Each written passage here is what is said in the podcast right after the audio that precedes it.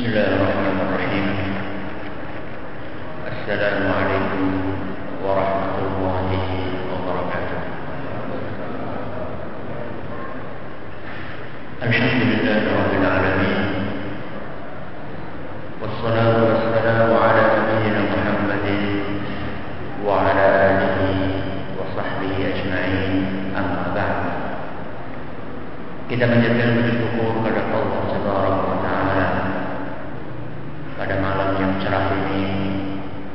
kita masih kembali diberi kekuatan, kesehatan, hidayah juga taufik dari Allah Jalla wa ala sehingga kita bisa kembali menghadiri pengajian rutin tafsir kita ini. Kita berharap semoga Allah taala berkenan untuk melimpahkan kepada kita semua ilmu yang bermanfaat sehingga bisa kita amalkan sebagai bekal untuk menghadap kepada Allah Jalla wa ala. Amin ya. Salam dan salam semoga selalu tersanjungkan ke Nabi besar kita Muhammad sallallahu alaihi wasallam kepada para sahabatnya, keluarganya dan umatnya yang setia mengikuti tuntunannya hingga hari akhir nanti. Kaum muslimin dan kaum muslimat yang yang kami hormati, ini adalah merupakan bagian yang keempat dalam materi tafsir surat Al-Fatihah. Pada pengajian yang telah lalu kita sampai pembahasan tentang apa? Alhamdulillah. Itu ayat yang keberapa? Ayat yang kedua. Pada malam hari ini insya Allah kita akan menyelesaikan kelanjutan dari ayat yang kedua tersebut. Setelah kita membahas Alhamdulillah, maka kelanjutannya apa? Rabbil Alamin. Rabbil Alamin tersusun dari dua kata. Yang pertama adalah Rabb. Yang kedua adalah apa? Al-Alamin. Apa arti dari Rabb? Kalau di Al-Quran mungkin banyak ditafsirkan atau diterjemahkan dengan Tuhan. Sebenarnya kata Ar-Rabb ini disebutkan oleh para ahli tafsir adalah makna dari Ar-Rabb adalah zat yang terkumpul pada dirinya tiga sifat sekaligus. Saya ulangi, makna dari Rabb adalah zat yang di dalam dirinya terkumpul tiga sifat sekaligus. Apakah tiga sifat tersebut? Yang pertama adalah pencipta. Yang kedua adalah pemilik atau penguasa. Yang ketiga adalah pengatur. Apa saja tadi? Yang pertama apa tadi? Pencipta. Bahasa Arabnya apa? Al-Khaliq. Ya. Yang kedua apa tadi? Penguasa atau pemilik. Bahasa Arabnya apa? Al-Malik. Nah. Yang ketiga pengatur. Bahasa Arabnya apa? Apa ya? Al-Mudabbir. Apa? Al-Mudabbir. Jadi Rob adalah zat yang di dalam dirinya terkumpul tiga sifat sekaligus. Pencipta juga, dia juga yang memiliki dan menguasai, juga dia pula yang mengatur. Kalau kita cermati di dalam kehidupan hari-hari terutama di antara para manusia, kita akan dapatkan bahwasannya tidak setiap pencipta sesuatu pasti dia akan memilikinya. Kalau tadi Allah itu bisa, kalau Allah itu menggabungkan pencipta, kemudian pemilik sama apa? Pengatur. Itu dalam diri siapa? Allah. Tapi kalau misalnya kita lihat para manusia, kita akan dapatkan bahwasanya tidak setiap pencipta sesuatu pasti dia akan memilikinya. Apa contohnya? Tukang. Tukang batu dengan tukang apa? Tukang kayu. Mereka bikin rumah megah-megah. Ya enggak? Bikin rumah bagus-bagus. Apa kemudian rumah itu jadi milik mereka? Belum tentu, bahkan sering apa? Sering tidak. Bikin rumah bagus di real estate, di perumahan-perumahan mewah. Tapi dia cuma menciptakan saja, cuma membangun. Tapi dia bukan apa? Bukan pemiliknya. Kalau Allah subhanahu wa ta'ala menciptakan dan apa? Memiliki. Juga, kalau kita perhatikan para manusia, tidak setiap yang memiliki sesuatu ialah yang menciptakannya. Tidak setiap orang yang memiliki sesuatu dialah yang menciptakannya. Contohnya apa? Sepeda motor. Semuanya punya sepeda motor di sini. Punya. Memiliki sepeda motor. Apakah kita yang bikin? Bukan. Kita cuma dapat jadi dari mana? Dari dealer. Ya enggak? Bukan kita yang menciptakan. Kita hanya memiliki. Termasuk tidak setiap yang mengatur sesuatu pasti dia memiliki sesuatu Tidak setiap yang mengatur sesuatu pasti dia memiliki sesuatu tersebut. Contohnya apa? Hah? Contoh yang mudah sekali apa? Tukang parkir. Tukang apa? Parkir. Tukang parkir dia ngatur mobil. Motor dari yang paling mahal BMW kemudian apa? Mercy dan lain sebagainya sampai yang paling butut sepeda motor tahun berapa diatur semuanya sama dia tapi apakah itu yang diatur adalah milik dia bukan milik dia, milik orang lain. Makanya nah, ada seorang dai yang mengungkapkan bagaimana kita itu merasa bahwasanya yang kita miliki itu sebenarnya bukan milik kita, tapi milik siapa?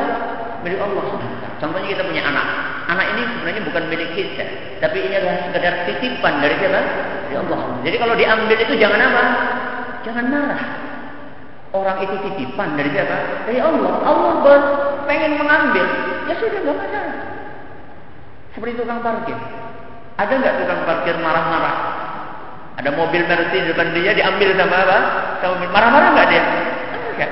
Karena dia merasa itu bukan milik dia. Jadi contoh ya, contoh orang yang mengatur sesuatu itu bukan milik apa? Bukan miliknya. Namun Allah Azza wa Jalla berbeda. Allah Subhanahu wa taala adalah merupakan zat yang terkumpul di dalam dirinya secara mutlak tiga sifat tersebut. Sifat apa tadi?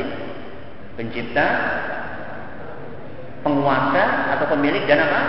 Dan pengatur. Beri garis bawah kata-kata secara mutlak. Hanya Allah yang memiliki tiga sifat ini secara mutlak. Kenapa saya sebutkan dengan kata-kata secara mutlak? Karena terkadang ada orang yang mengklaim bahwasanya dia memiliki tiga sifat itu sekaligus. Terkadang ada orang yang mengklaim bahwasanya dia itu memiliki tiga sifat sekaligus, yaitu mencipta, kemudian memiliki dan menguasai, eh, dan menguasai dan mengatur. Tapi seandainya kita cermati lebih lebih lanjut, kita akan dapatkan bahwasannya tiga sifat itu ada dalam diri dia bukan secara mutlak, tapi secara parsial.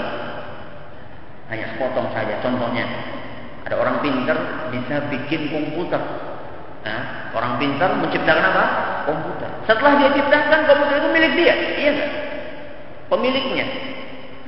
Dan dia juga yang mengatur komputer itu. Berarti kan orang tersebut memiliki tiga sifat sekaligus apa? Menciptakan, memiliki, dan apa? Dan mengatur. Tapi kita katakan tidak mutlak. Tidak mutlak. bersifat parsial, dia itu hanya memiliki tiga sifat itu dalam masalah komputer saja. AC bagaimana? Dia cuma apa? Cuma memiliki, bukan dia yang bikin. Rumah bukan dia juga yang bikin. Jadi cuma dalam parsial saja, cuma dalam bentuk sedikit saja. Tapi Allah Subhanahu wa taala dialah yang menggabungkan tiga sifat seperti itu secara mutlak. Kenapa kita katakan secara mutlak? Karena Allah Subhanahu wa taala adalah Rabbul alamin. Yang maknanya adalah yang menciptakan, memiliki dan juga mengatur seluruh alam semesta. Bukan hanya komputer, ya. bukan hanya langit, tapi seluruh alam semesta. Karena makna dari al-alamin maknanya adalah segala sesuatu selain Allah. Kalau Rob tadi apa? Zat yang terkumpul di dalam dirinya tiga sifat yaitu apa? Pencipta, pemilik dan juga apa? Pengatur. Adapun al-alamin artinya adalah segala sesuatu selain Allah. Segala sesuatu. Apa segala sesuatu selain Allah? Langit, apa lagi? Bumi, apa lagi? Dan seisinya, bagus. Langit, bumi dan seisinya. Isinya langit dan isinya bumi. Sudah, itu saja. Hah? Itu saja selain Allah. Mana ada lagi? Apa yang ada di antara langit dan bumi? Hah? Kalau tadi langit dan bumi seisinya, isinya langit, isinya bumi. Berarti apa? Antara langit dan bumi belum kita hitung. Selain Allah Subhanahu wa taala langit, bumi, apa yang ada di atas langit, apa yang ada di atas bumi dan apa yang ada di antara keduanya, baik yang kita ketahui maupun yang tidak kita ketahui. Andaikan makna dari al-alamin adalah apa yang tersebut di atas kita bisa membayangkan betapa banyak ciptaan Allah. Betapa besar kekuasaannya dan betapa luas wilayah yang diatur oleh Allah Jalla wa'ala. Saya akan mengupas sedikit tentang masing-masing dari tiga sifat tadi. Sifat apa? Pencipta, pemilik, dan juga apa? Pengatur. Yang pertama adalah Allah sebagai pencipta alam semesta. Secara fitrah, seluruh manusia tanpa terkecuali mukmin maupun kafir mereka sepakat bahwasanya Allah adalah sang pencipta. Jadi yang mengakui bahwasanya Allah sang pencipta itu bukan hanya orang yang beriman, termasuk orang kafir pun mengakui bahwasanya Allah adalah pencipta. Apa dalilnya? Dalilnya adalah Al-Quran surat Luqman ayat 25. Al-Quran surat Luqman ayat 25 dan juga surat Az-Zumar ayat 38. Az-Zumar ayat 38. Kata Allah Subhanahu wa taala, "Wala in sa'altahum man khalaqas samawati wal ard" Andaikan engkau wahai Muhammad bertanya kepada mereka Siapa mereka di sini? Orang-orang kafir. Andaikan engkau wahai Muhammad bertanya kepada mereka kafir, siapakah menciptakan langit dan bumi? Apa jawabannya? La Allah. Mereka akan menjawab yang menciptakan adalah siapa? Allah Subhanahu wa taala. Jadi hatta sampai orang kafir pun mengaku bahwa saya menciptakan langit dan bumi adalah apa? Allah. Kenapa? Karena fitrah manusia itu Allah bikin mengakui adanya pencipta. Namun demikian, ada orang yang fitrahnya itu sudah rusak. Atau bahkan apa? Mati. Ada di antara manusia yang fitrahnya rusak atau bahkan mati sehingga dia berani untuk mengingkari hal tersebut.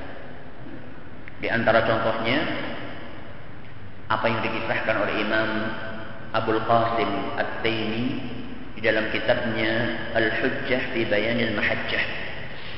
Dia bercerita tentang seorang ateis. Seorang apa? Ateis yang mengklaim bahwasannya dia itu bisa menciptakan suatu makhluk tanpa campur tangan Allah Subhanahu wa taala. Ada orang ateis ngaku apa? Bisa menciptakan makhluk tanpa campur tangan dari siapa? Allah Subhanahu wa taala.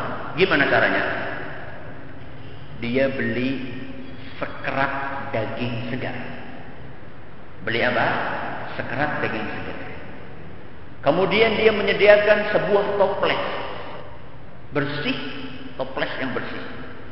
Lalu dia masukkan daging itu ke dalam toples, kemudian ditutup rapat rapat. Sudah? Kemudian dia tinggal daging itu beserta toplesnya satu minggu di dalam apa? Di dalam kamar. Setelah satu minggu dia tengok, ternyata di situ sudah apa? Sudah muncul belatung. Sudah muncul belatung. Kata dia, akulah pencipta makhluk-makhluk kecil ini. Ya, bisa menciptakan ya? Bisa. Gimana bantahnya? Berarti ada yang menciptakan makhluk selain siapa? Selain Allah. Orang ateis tadi. Gimana cara bantahnya? Ada seorang ulama yang pengen memberi pelajaran kepada orang ateis tadi. Kata dia, sang pencipta sesuatu. Orang yang menciptakan sesuatu seharusnya tahu betul seluk beluk apa yang diciptakannya. Ya. Orang menciptakan sesuatu seharusnya dia tahu apa seluk beluk apa yang diciptakannya. Kayak orang bikin apa kursi, sing ngerti selaeh ya sing apa? Sing gawe kursi. Orang masang instalator apa? listrik yang tahu ini sambungannya ke mana siapa? Yang masang. Kata orang ulama tadi, yang menciptakan sesuatu seharusnya dia tahu seluk beluk apa yang diciptakannya. Sebagaimana disyaratkan oleh Allah Subhanahu wa taala di dalam Al-Qur'an surat Al-Mulk ayat 14. Dalam surat Al-Mulk ayat 14 Allah Subhanahu wa taala berfirman, "Ala ya'lamu man khalaq?"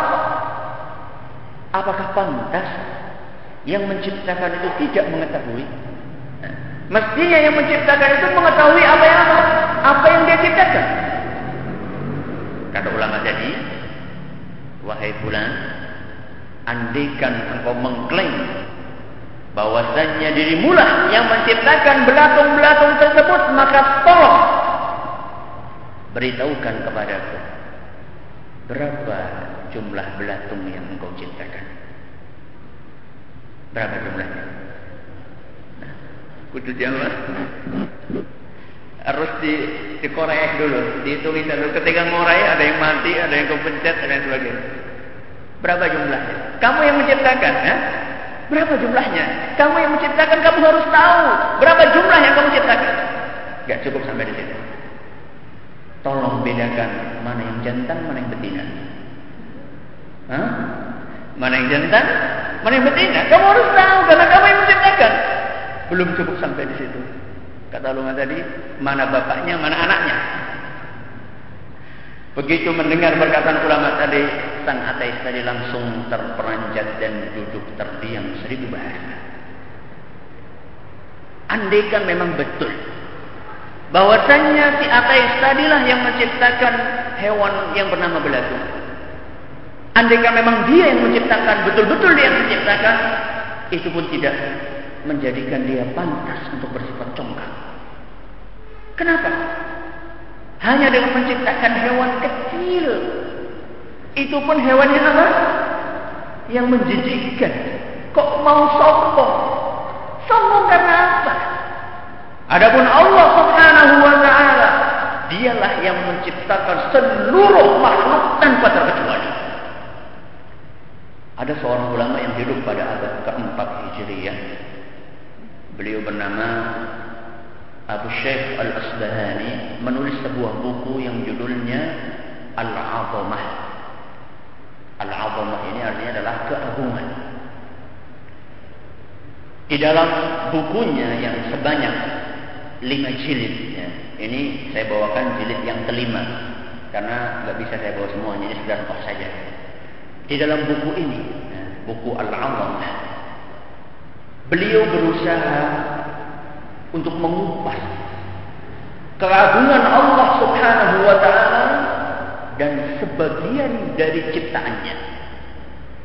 Di dalam buku ini beliau mengajak kita untuk bertafakur, untuk merenungi keagungan arsh Allah Subhanahu wa taala. Para malaikat Allah, langit, matahari, bulan, bintang, awan, hujan, halilintar, kilat, angin, bumi, laut, gunung, pepohonan, pertumbuhan dan lain sebagainya. Dari sekian banyak ciptaan, dia kupas keajaiban-keajaiban yang ada di dalamnya. Dia kupas kehebatan-kehebatan ciptaan Allah Subhanahu wa taala tersebut. Dia jelaskan betapa indahnya ciptaan-ciptaan Allah itu.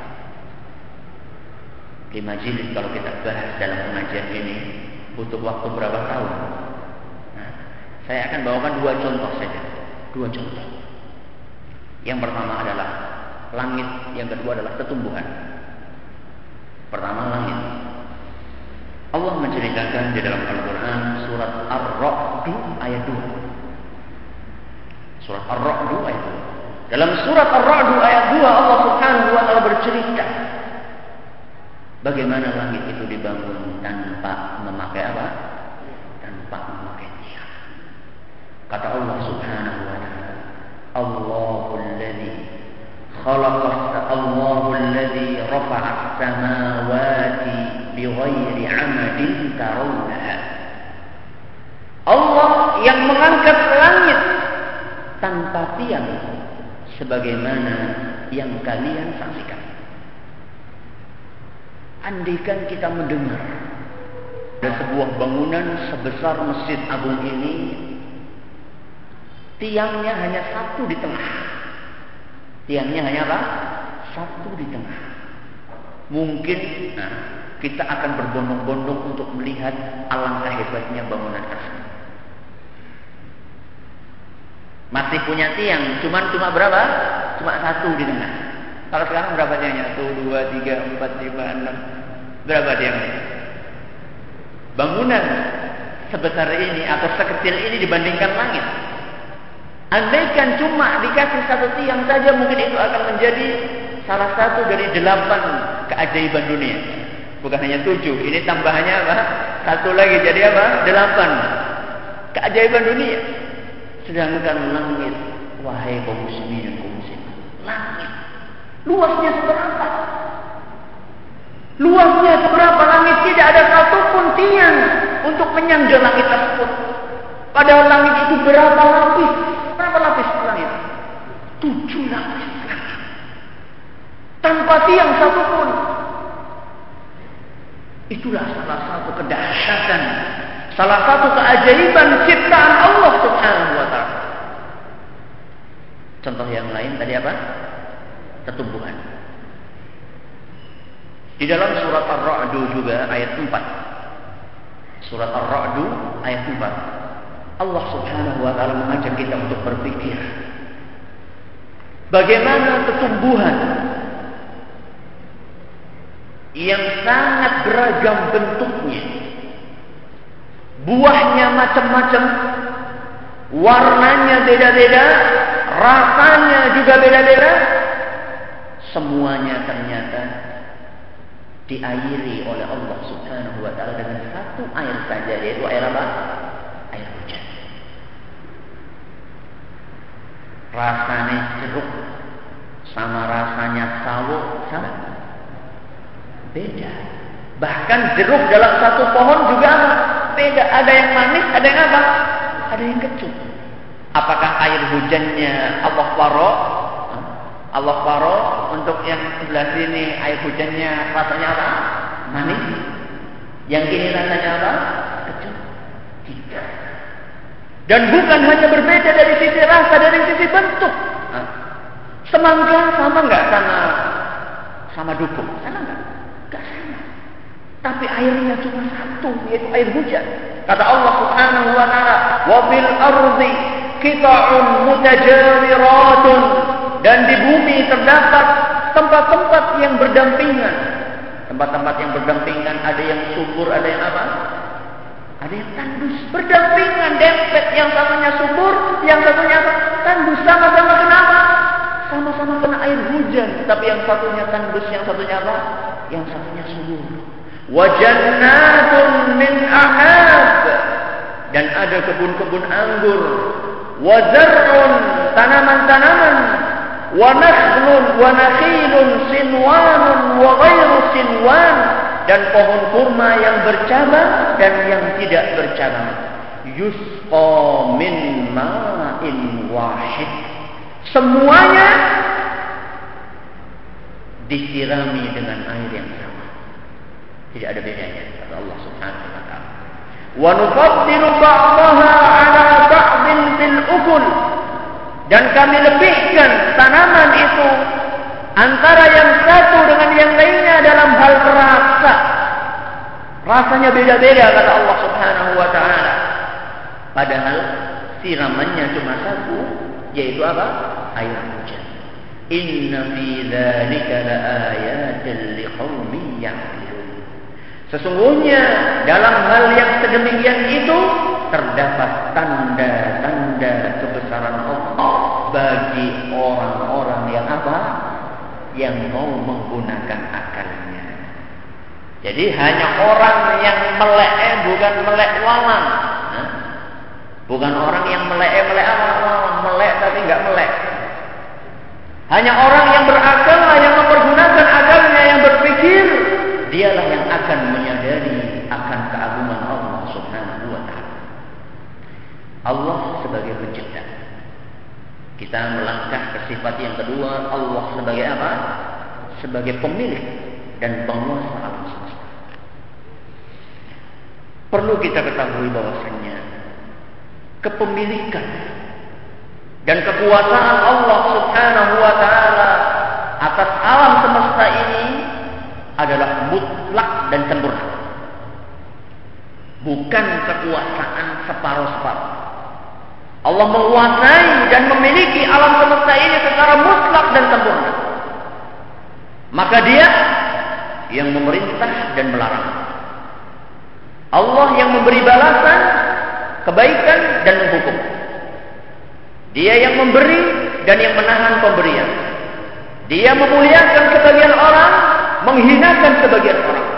Allah angkat sebagian orang derajatnya dan Allah jatuhkan derajatnya sebagian yang lain dan Allah hidupkan ini kemudian Allah matikan itu Allah murka sama anu Allah ridho sama anu Allah subhanahu wa ta'ala membantu orang yang dizalimi dan Allah membalas orang yang menzalimi Allah mengkayakan orang miskin dan memiskinkan orang orang kaya dan seluruh perbuatan-perbuatan Allah Subhanahu wa taala yang menunjukkan bahwasanya kekuasaan Allah dan kepemilikan Allah atas alam semesta ini mutlak dan sempurna.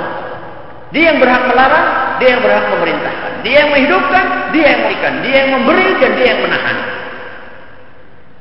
Dan ini berbeda dengan kekuasaan manusia. Manusia mungkin bisa berkuasa, tapi kekuasaannya tidak mutlak. Kekuasaannya tidak sempurna. Bahkan terkadang kekuasaan manusia itu sering sifatnya hanya semu dan cuma formalitas. Contohnya apa? Ada seorang yang dipasang sebagai penguasa di suatu daerah. Dipasang, dipilih sebagai apa? Penguasa. Tapi kenyataannya sebenarnya bukan dia yang menguasai daerah. Masuk pasar yang menguasai siapa? Preman pasar. Yang menguasai apa? Preman pasar. Masuk ke suatu kampung ternyata yang menguasai di situ adalah kiai. Bukan siapa? Bukan penguasa tersebut. Pergi ke tempat lain ternyata yang menguasai adalah konglomerat.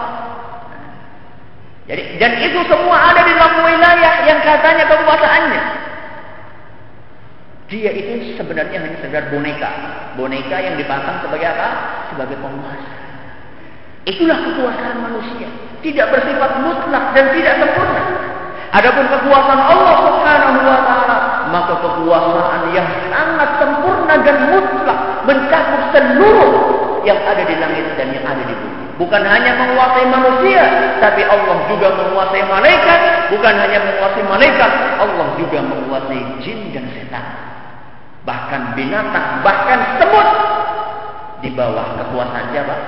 Allah Subhanahu wa taala. Ini yang kedua. Yang ketiga. Allah sebagai apa tadi? Pengatur. Allah sebagai pengatur alam semesta. Dikisahkan pada suatu hari seorang imam yang bernama Imam Abu Hanifah. Siapa? Imam Abu Hanifah. Pada suatu hari dia diajak berdebat sama orang-orang pengikut sekte Dahriyah. Sekte apa? Dahriyah. Siapa yang tahu? Apa ideologi sekte ini? Hah? Amblok temen. Hah? Sekte Dahriyah adalah sekte yang meyakini atau mengingkari adanya pencipta. Nah, sekte yang mengingkari adanya pencipta dan pengatur alam semesta. Kata mereka, alam ini berjalan dengan sendirinya. Gak ada yang apa? Gak ada yang ngatur. Jadi langit, eh, matahari terbit dari mana? Dari timur, terbenam di mana? Di barat. Itu memang sudah apa? Sistem. Sistem dengan sendirinya. Gak ada yang apa? Gak ada yang mengatur. Kalau misalnya ada turun hujan, ya sudah itu memang sudah berdasarkan iklim sudah saatnya apa? Hujan. Wis mangsane musim apa? Musim hujan ya turun hujan, gitu aja. Gak ada yang mengatur kok ada pencipta, ada yang mengatur dan sebagainya. Itu sekte apa? Sekte Dahriyah. Nah, sekte Dahriyah ini suatu ketika mengajak debat siapa? Imam Abu Hanifah. Mengajak debat Imam Abu Hanifah. Kata Imam Abu Hanifah, sebelum berdebat, Imam Abu Hanifah berkata, Sebelum kita membahas tentang permasalahan ini, saya ingin bertanya kepada kalian. Saya ingin bertanya kepada kalian. Percayakah kalian bahwa di sungai Dijlah, sungai Dijlah itu tempatnya di mana? Gimana nih? Guru guru agama SD mana ada nggak di sini? Sungai Dijlah guru sejarah bukan guru agama, guru sejarah. Sungai Dijlah tempatnya di mana? Hah? Di Baghdad. Di mana Baghdad?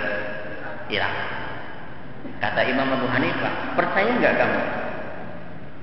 Di Sungai Dijlah itu ada sebuah perahu. Ada sebuah apa? Perahu. Perahu ini dia memuat dengan sendirinya sayur-sayuran dan barang-barang lainnya. Jadi perahu ini dia sendiri yang apa? Yang memuat. Ada sayur-sayuran apa? Dimuat sendiri. Sama perahu tersebut. Kemudian perahu ini juga yang menurunkan sendiri apa? Sayur-sayuran yang ada di atas. Dia juga berpindah sendiri dari satu tepi ke tepi yang apa? Yang lainnya. Sungai kan ada dua tepi. Ya? Jadi perahu ini berjalan sendiri dari sana, ambil sayur dari sana, kemudian dinaikkan ke mana ke perahu, kemudian jalan sendiri ke tepi diturunkan sendiri, tanpa ada seorang pun nelayan di atasnya. Percaya nggak kamu?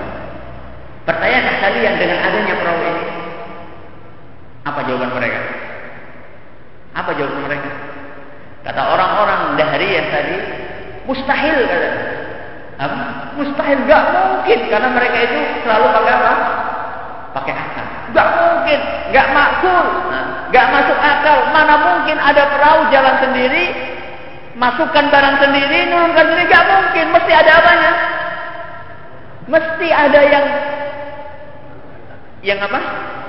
Yang mengayuh dayung, kemudian ada yang ngangkat, ada kulinya, ada yang nurunkan. Nggak mungkin ada perahu seperti itu. Kata Imam Abu Hanifah, andaikan hal itu mustahil terjadi di sebuah perahu yang sangat kecil. Apakah mungkin hal itu terjadi di alam semesta? Mungkinkah hal itu terjadi di alam semesta, langit, bumi, seisinya? Jangan sendiri nggak ada yang ngatur, mungkin nggak? Kata Imam Abu langsung mereka apa? Langsung mereka KO. KO ronde pertama. Sebelum debat sudah apa? Sudah KO mereka. Jadi Allah Subhanahu wa taala berfirman dalam Al-Qur'an surat Az-Zumar ayat 5. Di dalam Al-Qur'an surat Az-Zumar ayat 5 Allah Subhanahu wa taala berfirman, "Khalaqas samawati wal arda bil haqq." Dialah yang menciptakan langit dan bumi dengan tujuan yang benar. Yukawwirul laila 'ala nahar Dialah yang memasukkan malam atas siang. Wa yukawwirun nahara 'ala al-lail dan dialah yang memasukkan siang atas malam. Wa sakhkhara asy-syamsa wal qamar dan dia pula yang mengatur jalannya apa? Matahari dan apa? Dan bulan. Kullun yajri li ajalin musamma masing-masing berjalan menurut waktu yang sudah ditentukan. Siapa yang menentukan? Allah Subhanahu wa taala. Jadi adanya langit, adanya bumi, adanya bulan yang pada tanggal 15 itu terlihat apa? Terlihat bulan, bulan purnama. Kemudian mengecil, mengecil, mengecil menjadi bulan sabit. Itu ada yang mengatur. Terbitnya langit dari barat Kok diem saja? Terbitnya langit dari timur dan terbenamnya dari di mana? Di barat. Itu ada yang ngatur. Malam siang itu ada yang ngatur. Siapa? Allah Subhanahu wa taala. Enggak mungkin. Serapi ini kok enggak ada yang ngatur, enggak mungkin. Belum lagi kalau kita berbicara tentang pergantian musim. Pergantian musim sepanjang tahun ada musim panas, ada musim dingin, ada musim semi, ada musim gugur. Gak mungkin gak ada yang tuh gak mungkin mustahil. Belum lagi kalau kita melihat diri kita sendiri. Adanya pengaturan sistem di dalam tubuh kita. Mulai dari memasukkan apa? Makanan. Kemudian di apa? Diolah. Setelah diolah diapakan? Diapakan setelah diolah? Hah? Diserap dulu, diserap. Sari-sarinya diserap ke dalam tubuh. Setelah diserap dia apa? Hah? Ada sisanya, ampasnya. Nah, ampasnya apa? Dibuang. Mungkinkah tubuh ini berjalan sendiri tanpa ada yang mengatur? Belum lagi kalau kita bicara masalah darah kita yang mengandung racun-racun yang setiap harinya rutin difilter sama siapa? Sama ginjal kita. Setiap hari ginjal itu bekerja untuk apa? Untuk memfilter darah kita yang berisi racun-racun. Belum lagi kita berbicara tentang sel darah putih yang tugasnya apa? Yang tugasnya adalah mempertahankan tubuh kita kalau misalnya masuk virus-virus berbahaya. Mungkinkah ini semua berjalan dengan sendirinya tanpa ada mengatur?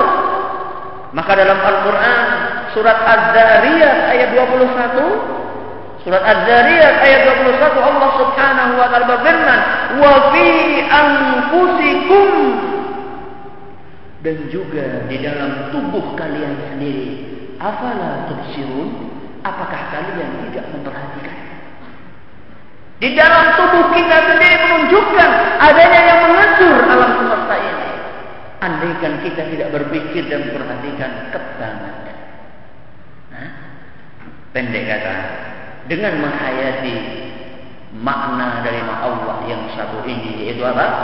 Rabbul Alamin.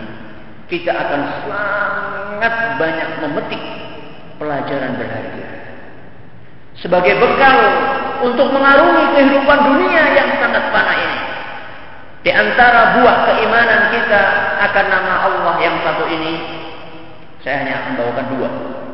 Buah dari keimanan kita terhadap nama dari Allah yaitu nama dari Rabbul Alamin yang pertama. Buahnya adalah di dalam segala permasalahan kesulitan, musibah, kita hanya kembali kepada Rabbul Alamin. Siapa itu? Allah Subhanahu Setiap kita dilanda musibah, setiap kita dilanda kesulitan, permasalahan yang pelik, kita kembalinya dan larinya adalah kepada Rabbul Alamin. Kenapa? Karena dialah yang memiliki segala sesuatu yang ada di muka bumi ini. Dialah yang menguasai apa yang ada di muka bumi ini dan dialah yang bisa melepaskan kita dari kesulitan tersebut. Itulah buah orang yang beriman dengan apa? Makna dari Rabbul Alamin. Bukan lari ke dukun. Ada masalah perginya ke mana? Ke dukun. Padahal dia setiap hari selalu membaca Alhamdulillahi Rabbil Alamin. Bahkan kalau misalnya dia pergi ke dukun berhasil dia mengucapnya apa? Alhamdulillahirabbil alamin.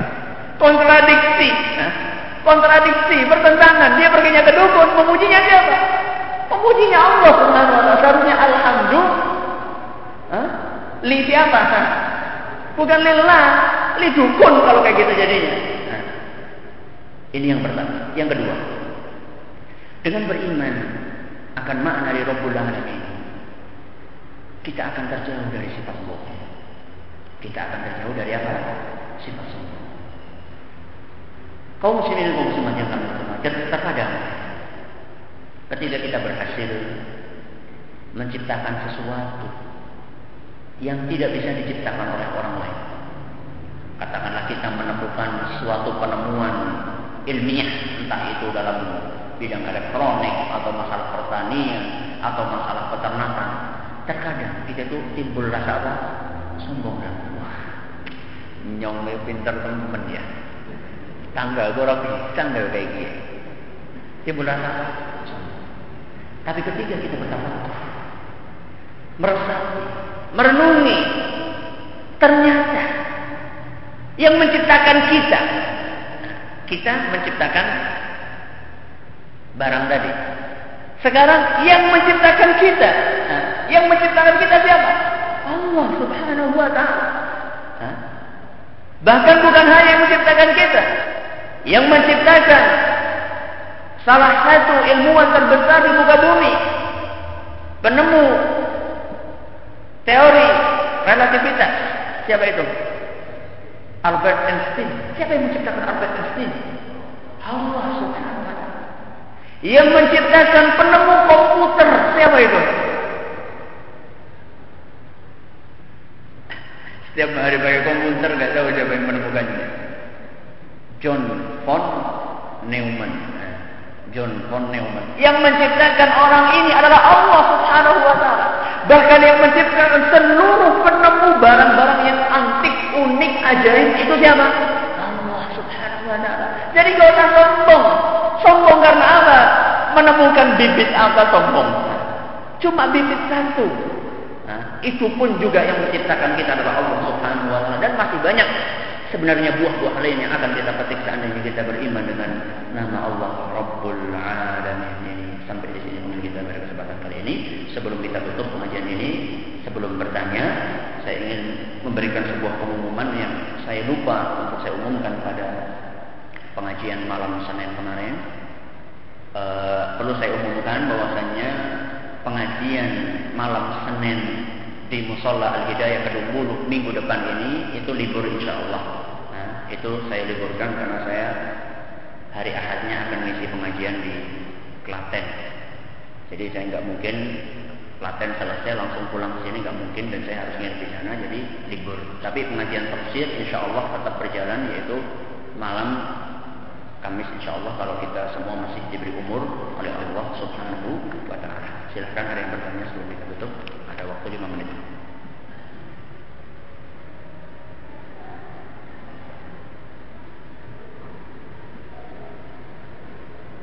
Gak ada yang bertanya? Bingung apa yang ditanya? Ada yang bertanya, saya tanya. Ya, saya tanya.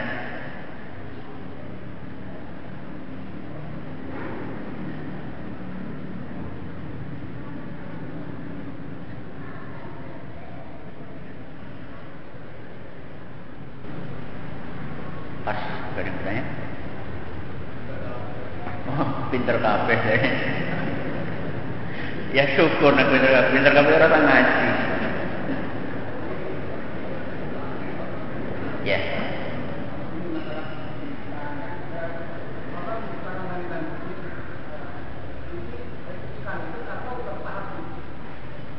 Ya. Ya. Apakah Allah menciptakan langit dan bumi itu sekaligus atau bertahap? Disebutkan dalam Al-Quran, fi sittati ayyam. Allah menciptakan makhluk-makhluk ini enam hari. Berapa hari? Enam hari. Apakah Allah tidak mampu untuk menciptakan dalam kejap? Mampu, sangat mampu. Sangat mampu. Tapi Allah ada hikmah di balik itu semua. Ada hikmah di balik itu semua yang mungkin kita tidak tahu apa hikmahnya. Yang jelas di dalam Al-Quran Allah ciptakan makhluk-makhluk itu selama berapa hari? Fi sittati ayyamin selama enam hari. Ada pertanyaan berikutnya? Ya. Ya. Apakah itu langit itu termasuk benda karena tidak dipakai? Apakah langit termasuk benda? Ada yang berbentuk benda dan ada yang berbentuk bukan benda. Seperti angin atau hawa, udara, itu kan bukan benda. Tapi ada yang berbentuk benda. Seperti awan. Awan atau gumpalan awan itu kalau pas naik pesawat mereka selalu apa menghindarkan diri dari apa dari awan saya berkali-kali ketika naik pesawat itu rasanya gue kayak gerunjalan kayak apa? Kayak ya kayak kita naik motor di jalan yang apa banyak lubangnya. Cekluk cekluk cekluk jadi ternyata di awan eh di langit juga banyak apanya? Banyak cegelongannya dan juga banyak apanya? Banyak hal-hal yang menyebabkan e, pesawat itu jalannya nggak apa? Nggak nggak cepat termasuk juga yang ada di langit yang ada benda-benda yang ada di langit seperti planet kemudian apa? Kemudian meteor dan sebagainya. Itu kan juga benda. Artinya tetap saja membutuhkan adanya apa? Adanya tiang. Nah, tetap saja membutuhkan adanya apa? Adanya tiang dan ini adalah merupakan salah satu bentuk kekuasaan Allah Subhanahu wa taala di mana Allah tidak perlu mengangkatnya dengan menggunakan tiang. Ada lagi silakan. Cukup? Segera cukup sudah ya. Mungkin masih berdasarkan dengan pertanyaan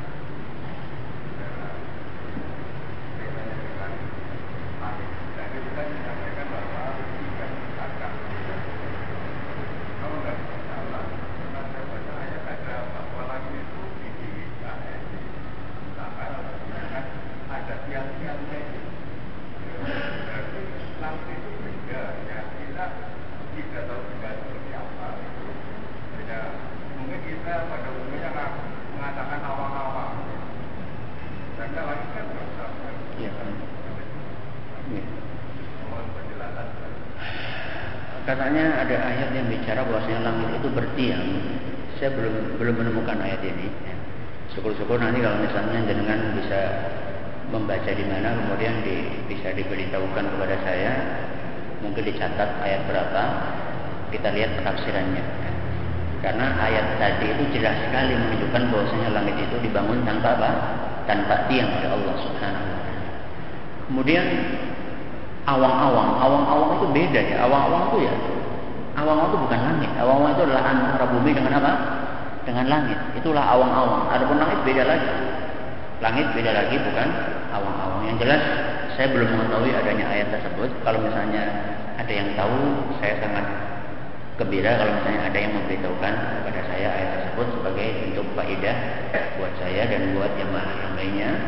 Saya kira cukup sampai di sini. Wallahu taala a'la wa a'lam. Atas segala perhatian